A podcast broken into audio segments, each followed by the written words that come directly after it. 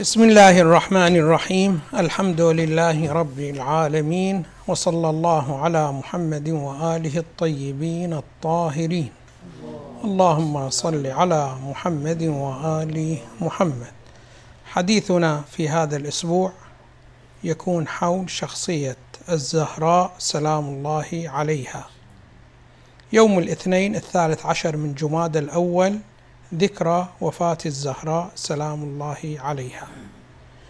وهي أحد المطهرين الخمسة الذين أثبت القرآن عصمتهم حيث يقول تعالى بسم الله الرحمن الرحيم.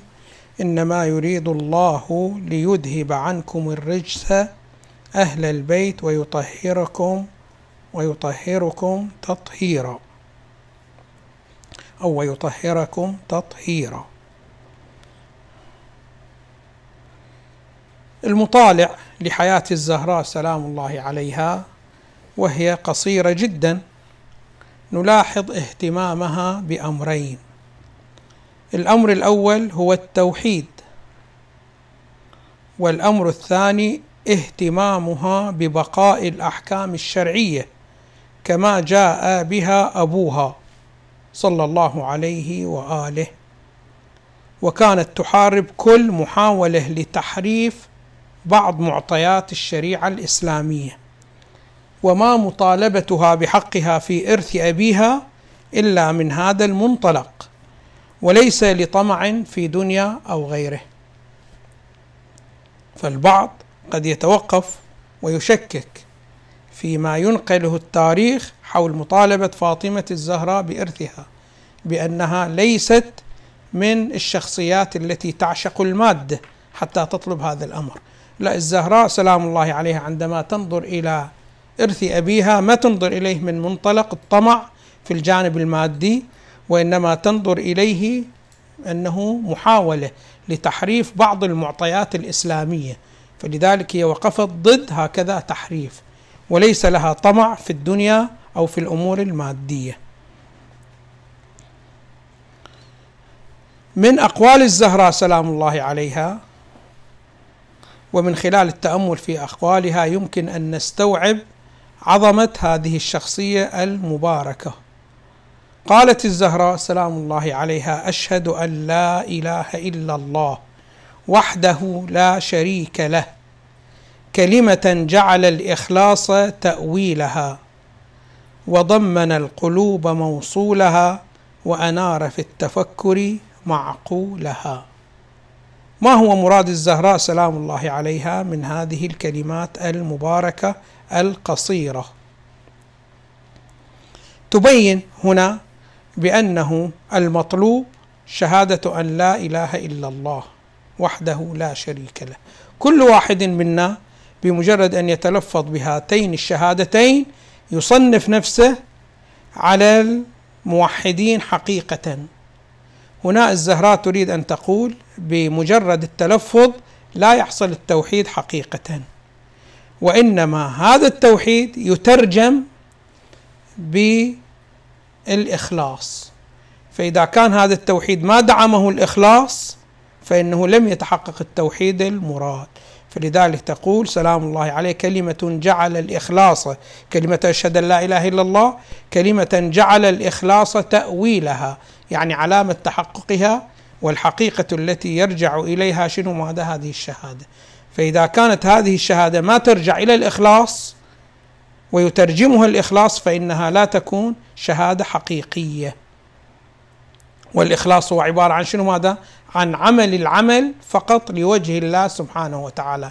لا استجابة إلى شهوة ولا استجابة إلى توفير مصلحة أو شنو ماذا؟ أو رضا شخص من الأشخاص أو إعجاب شخص من الأشخاص. هذا هو شنو ماذا؟ الإخلاص. وضمن القلوب موصولها. يعني ماذا؟ يعني جعل في القلب غريزة قلبية تميل إلى شنو ماذا؟ إلى التوحيد.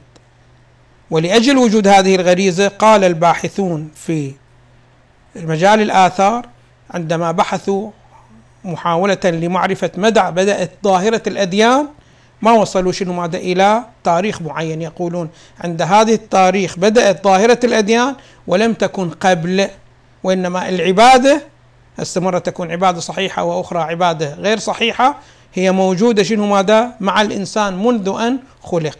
هذا معناه أنه الغريزة الإنسانية تدعو الإنسان إلى شنو ماذا؟ إلى التوحيد. وأنار في التفكر معقولها. يعني الإنسان إذا أراد أن يستدل بالدليل العقلي على التوحيد يستطيع شنو ماذا؟ أن يستدل بالدليل العقلي. وهذه شنو ماذا؟ في الواقع من النعم الإلهية على العبد. فإن الله سبحانه وتعالى عندما أراد أن يطالب من الإنسان التوحيد سهل له عملية التوحيد.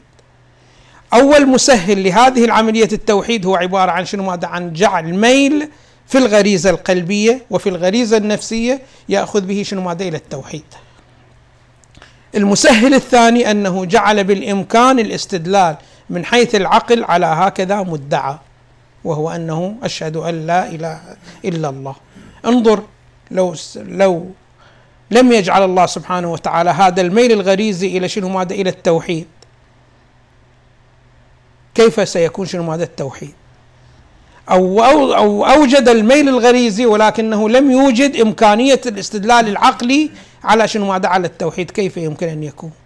فلذلك من نعم الله سبحانه وتعالى الكبيرة التي تبين لنا الزهراء سلام الله عليها هذه النعمة هي هذه النعمة بأنه جعل الدين أمر تميل له غريزة الإنسان وجعل الدين يمكن الاستدلال عليه شنو ماذا؟ من حيث العقل. فهذه نعمة جدا كبيرة ترشدنا الزهراء سلام الله عليها إليها. النقطة الأخرى التي أتكلم حولها في هذه المناسبة الحزينة الزهراء سلام الله عليها لها قيمة جدا شنو ماذا؟ راقية. وقيمتها الراقية ليست لأنها ابنة رسول الله صلى الله عليه وآله وإن كان هذا الجانب فيه أيضا شنو ماذا؟ الانتساب إلى الذرية المباركة أيضا لا يخلو شنو ماذا؟ من القيمة.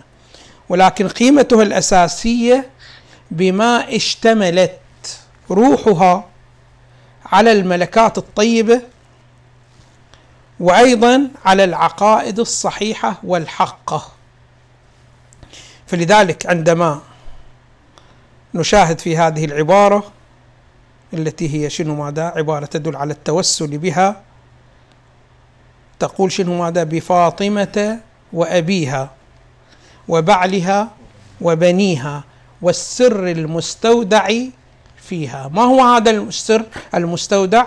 هي عبارة عن مجموعة العقائد الاعتقادية مجموعة العقائد الحقة التي تعتقد بها الزهراء ومجموعة الملكات الفاضلة التي تتصف بها نفسيتها. هذا هو شنو؟ ماذا؟ هذا السر. وهذا السر هو الذي يجعل الوجود بما هو وجود قيم ولتكون له شنو؟ ماذا؟ له قيمة.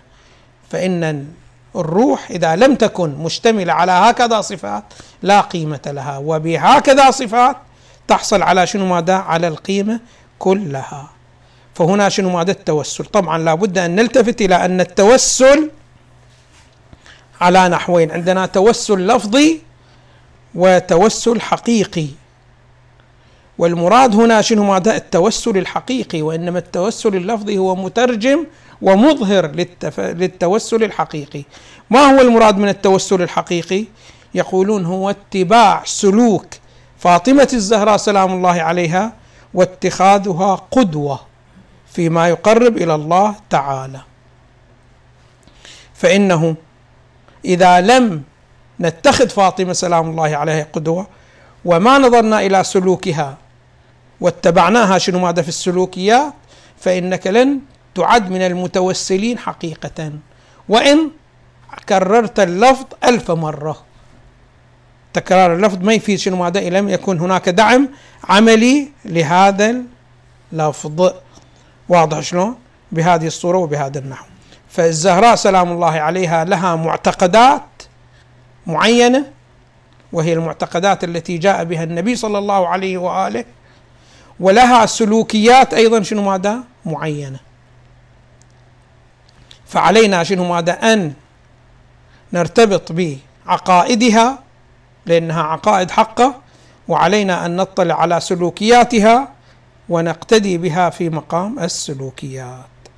والحمد لله رب العالمين وصلى الله على محمد وآله الطيبين الطاهرين.